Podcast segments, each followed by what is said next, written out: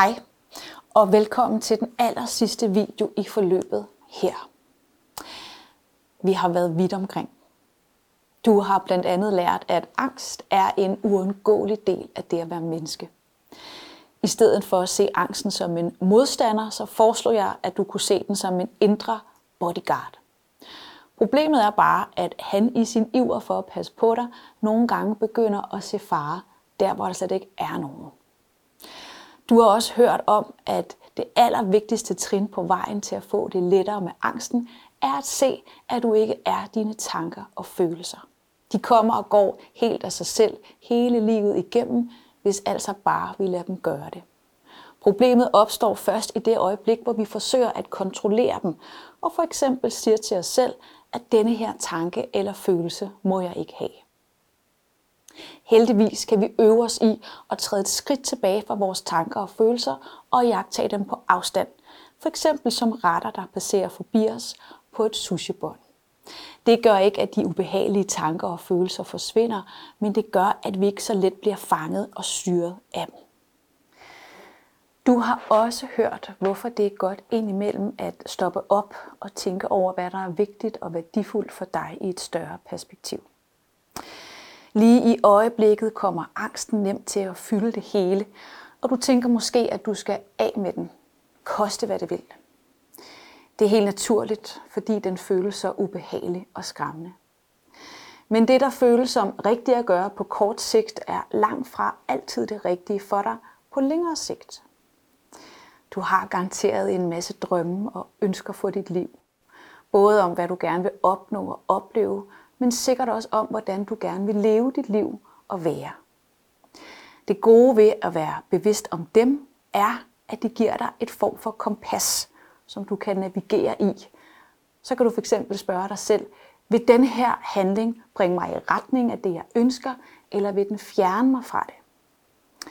Og så fik du en teknik til, hvordan du stille og roligt kan komme i gang med at gøre det, du frygter.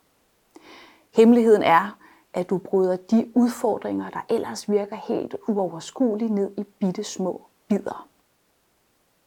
For eksempel ved at spørge dig selv, hvad er det absolute mindste skridt, jeg kan tage i dag, eller i morgen, eller den kommende uge, hvor jeg kan komme i retning af det, jeg gerne vil? Det kræver både mod og styrke og tålmodighed.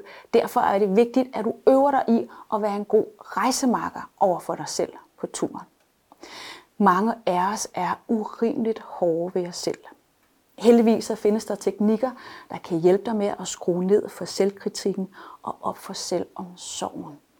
Sådan en fik du også, og det var i allersidst i forløbet. Ja, og nu er vi så ved vejs ende. Jeg håber, at du vil give dig selv et kæmpestort klap på skulderen. Det fortjener du. Det er super stærkt, at du har overskud og lyst til at følge et forløb som det her. Det vidner i sig selv om, at der er masser af håb og styrke, som du endelig skal holde fast i. Mange før dig har kæmpet med angst og fået det lettere. Og husk, at der også findes gode muligheder for at få hjælp. Som jeg sagde helt tilbage i begyndelsen, så er angst ikke noget, du skal gå med alene.